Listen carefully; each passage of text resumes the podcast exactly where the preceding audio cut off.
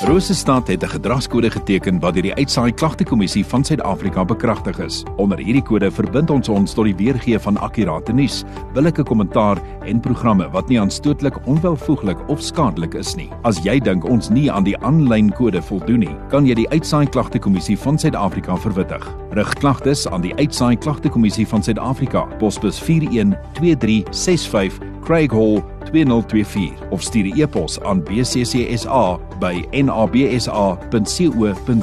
Vir verdere inligting, besoek www.bccsa.co.za.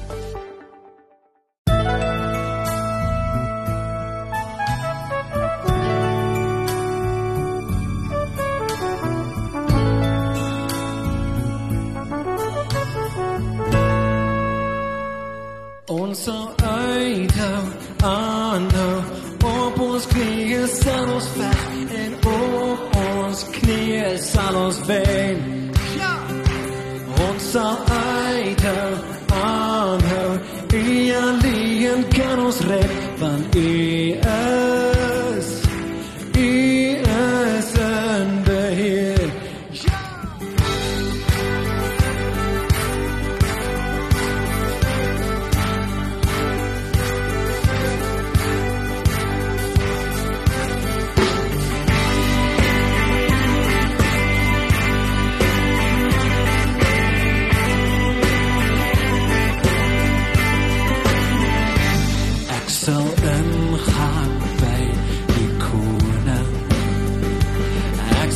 opstaan vir my mense en vra vir genade.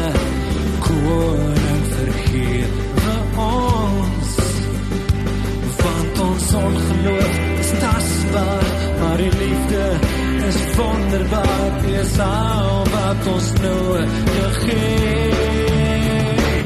Ons sal uitdaging aanhou. Op ons knieë sal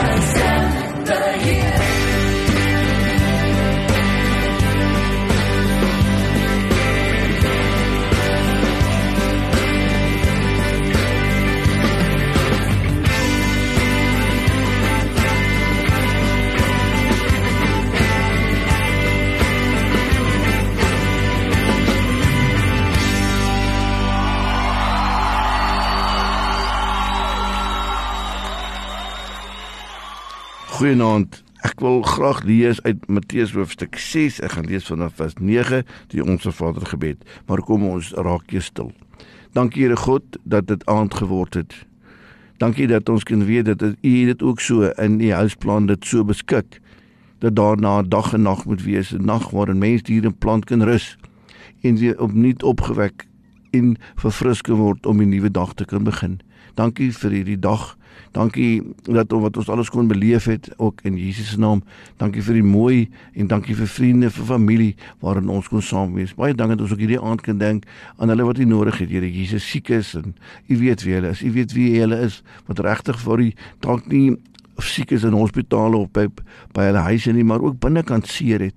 Dankie dat hulle U kon toevertrou en kan weet U sal sorg. Asseblief Here Jesus, maar wys U sorg dan so op U teenwoordigheid so op 'n manier dat ons daarvan bewus is om Jesus naam. Amen.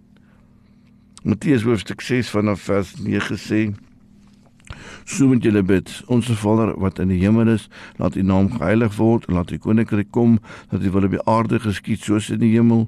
Gee ons vandag ons daaglikse brood. Vergeef ons ons oortredinge soos ons ook vergewe die wat teen ons oortree. Laat ons nie in versoeking kom nie, maar verlos ons van die bose. As jy die ander mense hulle oortredinge vergewe, sal julle hemelse Vader julle ook vergewe. Maar as jy die ander mense nie vergewe nie, sal julle Vader julle ook nie julle oortredinge vergewe nie. Ek lees tot sover. Die Here seën sy woord. 'n Duitse dominee Helmut Zieleke was een van baie mense wat 'n boek oor die Onse Vader gebed geskryf het. Die titel van sy boek was Die gebed wat die wêreld omspan het. Hierdie boek was anders as enige ander boek wat oor oor Onse Vader geskryf is, omdat dit eintlik 'n verwerking was van 'n reeks preke wat hy gedurende die Tweede Wêreldoorlog in Stuttgart gepreek het gepreek het tydens lugaanvalle op die stad. Die reeks oor die Onse Vader het in die kerk begin, maar later in ander geboue voortgesit om in die kerk en ander geboue een na die ander deur bomme vernietig is. Dikwels is hierdie eredienste onderbreek deur die geloei van sirenes, die angstige geskarrel van mense soos hulle in bomskeiding probeer kom. Onder daardie moeilike omstandighede dat hy sy gemeente getroos het, getroos het met die feit dat hulle 'n Vader in die hemel het wat weet wat sy kinders deurmaak. Hy skryf daaroor, hy sê, met hierdie troos dat die Vader weet, begin jy ons se Vader gebed. Dit moet ons eers duidelik insien voordat ons begin bid, want dit skep by ons die nodige kalmte dat ons nie gespanne en angstig hoef los te trek nie, selfs in die bomskuilings, voordat ons ons hemelse Vader vra dat ons huis en ons lewe bewaar mag word en voordat ons die ontploffing van die heilende bomme probeer voorwees met die gebedskreet Here help. Selfs daar moet ons rustig sê ons Vader weet, ons Vader weet. Hy weet nou eenmal wat vir ons goed is met die oog op die lewe en die ewigheid of ons nou dakloos en beroof van alle menslike sekuriteit in hierdie nag moet uitstap of ons se lewe en of ons tot ewigheid opgeroep sal word. Een ding kan ons troos, die Vader weet, die Vader weet. Wees daarom heeltemal rustig. Uit hierdie rus uit hierdie vrede wat die hart met die Vader gesluit het, mag ons nou bid. Ja, die Vader weet van ons behoeftes. Hy sien ons swaar kry, ons nood raak. Hy ken ons lyding, hy verstaan ons. Karel Barth sê, die eerste reël van die Onse Vader gebed is so belangrik, want dit is eers wanneer 'n mens God se grootheid, sy heerlikheid, sy heiligheid raak sien, dat jy van jou eie lewensmoegheid, negatiwiteit en lamheid verlos word. Ons sien dit so mooi in die storie van Dawid en Goliat. Daar in 1 Samuel 17 lees ons van die Filistyn van die magte van Israel arrogant uitgedaag het. Ons kry die indruk dat al die manskappe lam geskrik was vir hierdie reusagtige soldaat. Dan kom Dawid, die klein jong seentjie, daar in kos toe kom afleer vir sy broers op die slagveld. Hy kyk wat er gebeur het en hy kan nie verstaan wat aangaan nie. Dit is asof hy uit 'n ander wêreld kom as die res van die mense wat daar staan. Hy vra 'n paar onskuldige vrae. sien julle dit gebeur nie? Daar ander kant staan 'n Filistyne heiden en hy's besig om God en God se leermag te verkleineer. Gaan julle niks daarin doen nie? As jy nie antwoord kry nie, dan gaan hy aan. Wel, as julle niks gaan doen nie, gaan ek dit doen. Ek dink nie dis wat 'n mens 'n passie vir God kan noem. Waar kom Dawid se passie vandaan? Die jong seun is 'n veldman. Hy het in die afsondering soveel tyd met God bestee dat hy vir ons oor die 100 psalms kon agterlaat waarin hy vertel het van die grootheid van God, waarin hy vir God eer en dank en hy het vir God persoonlik leer ken daar in die veld. 'n passie vir God word eers gebore wanneer ons onder indruk kom van sy grootheid, sy heiligheid, deurdat ons genoeg tyd saam met God bestee, deurdat ons tyd maak om die aangesig van God te bedink. Rudolf wie 'n singer was 'n Duitser. Hy was gewond tydens die Tweede Wêreldoorlog. Hy het sy bewussyn verloor, is opgeneem in 'n klein kerkie naby Moskou wat ingerig was om tydelik as hospitaal te dien. Na 'n lang dae het hy bygekom en dowweg gesien dat daar iemand langs sy bed staan. Hy het die indruk gekry dat die persoon besig was om sy naam te vra. Maar toe Rudolf wou antwoord, het hy met 'n skok agtergekom Wie die skok het hy hier verlies. Hy kon nie sy naam onthou nie. En die enigste naam wat wel by hom bygekom het, was Christus. Terwyl hy dit toe maar vir die soldaat langs sy bed gesê het, is hy self geweldig daardeur getroos. Hy kon sien die soldaat was nie baie beïndruk deur wat hy vir hom gesê het nie en het weer en weer sy naam gevra. Sy vinger sê dit hom egter min geplan. In daardie stadium was die naam van Christus vir hom genoeg. Ek het 'n een naam gevind skryf hy wat ek regtig nodig gehad het, 'n naam wat binne ook vir my naam 'n plek is om die Here se naam te ken, regtig te ken. Te ken dat jou Vader wat weet van jou kan 'n verskil maak in 'n mens se lewe. Vra maar vir Rudolf. Dis die eerste rede waarom gebed so belangrik is, want terwyl op ons knieë is, terwyl ons bid, kom ons agter wie God is. Op ons knieë terwyl ons bid, sien ons kante van God waarvan ons nie eens geweet het nie. Sien ons soms dat hy anders is as wat ons gedink het hy is. Sien ons soms dat hy anders is wat ons gedink het hy is. Sien ons altyd dat hy meer is, oneindig meer en groter as wat ons ons kan voorstel. Maar dit liter het dit so verduidelik. Ons het groot probleme gebedsprobleme dink ons as ons bid en dit vir ons voel asof ons nie die re God regtig vir ons hoor nie. Maar het Luther gesê, jou regtige gebedsprobleme begin eintlik eers die dag wanneer jy agterkom dat die Here jou gebed insette om dit te beïnvloed nie nodig het nie. Dat hy so goed is dat hy jou lief het en vir jou sal sorg, selfs al vra jy hom nie eens om dit te doen nie. Gebed is meer as die plek waar ons opnuut bewus God weer ken en waar ons die Here se wil vir ons lewe sien en dieper leer verstaan. God in gebed is ook die plek waar ons gehelp kan word om sy wil vir ons lewe te aanvaar en te gehoorsaam en dit leer mens net terwyl jy bid. En so terwyl jy bid ontdek jy dat die wêreld aan God behoort. Daar is geen duimbreedte van hierdie aarde wat God nie gemaak het nie. En God is nie bereid om een deeltjie een daar versie daarvan af te gee nie want dit alles is syne Ons glo dat die Vader God weet dat sy wêreld nou maar baie de mekaar is. Maar ons glo ook dat God hierdie wêreld liefhet en dit is 'n prys gee nie, want hy laat vaar nooit die werk van sy hande nie.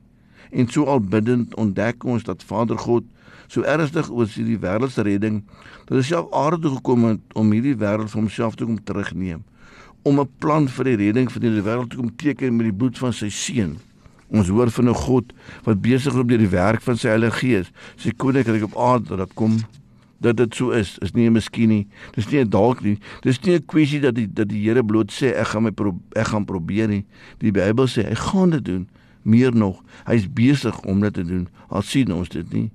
Dis ongelukkig die hartseer stories van die lewe dat baie mense, ook gelowiges, hierdie koms van God se koninkryk in die wêreld nie raak sien nie en daarom bid hulle nie meer nie.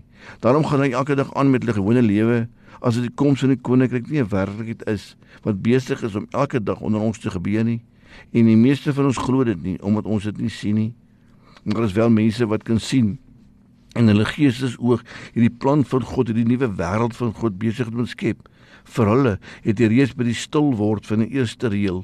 Ons Vader wat in die hemel is so naby aan God gekom dat hom daarin as dit ware deur God se oë na die wêreld daar buite begin kyk en reeds sien wat van wat God met ons wêreld wil en kan doen met my en jou en al sy gevolmagtigdes soos Moses, Jakob, Abraham, Gideon, Paulus waarvan ons maar elke dag weet en in die Bybel van lees. En kyk dan die verskil wat hulle in die wêreld gemaak het. Dood eenvoudig omdat hulle bidders was en geweet het hulle te onsse Vader wat in die hemel is. Dankie Here God dat die hemelse Vader is wat in die hemel is maar dat u dat u bemoeienis maak met ons hier op aarde, elke kind van ons. Amen.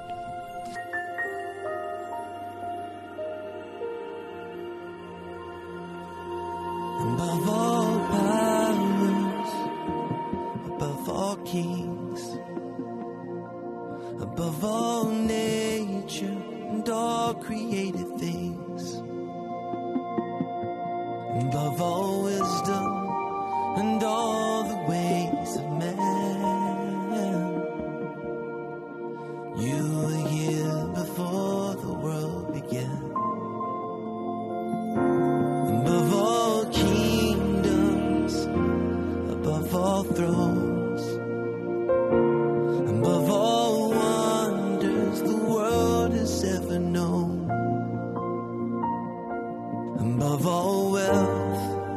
and treasures of the earth.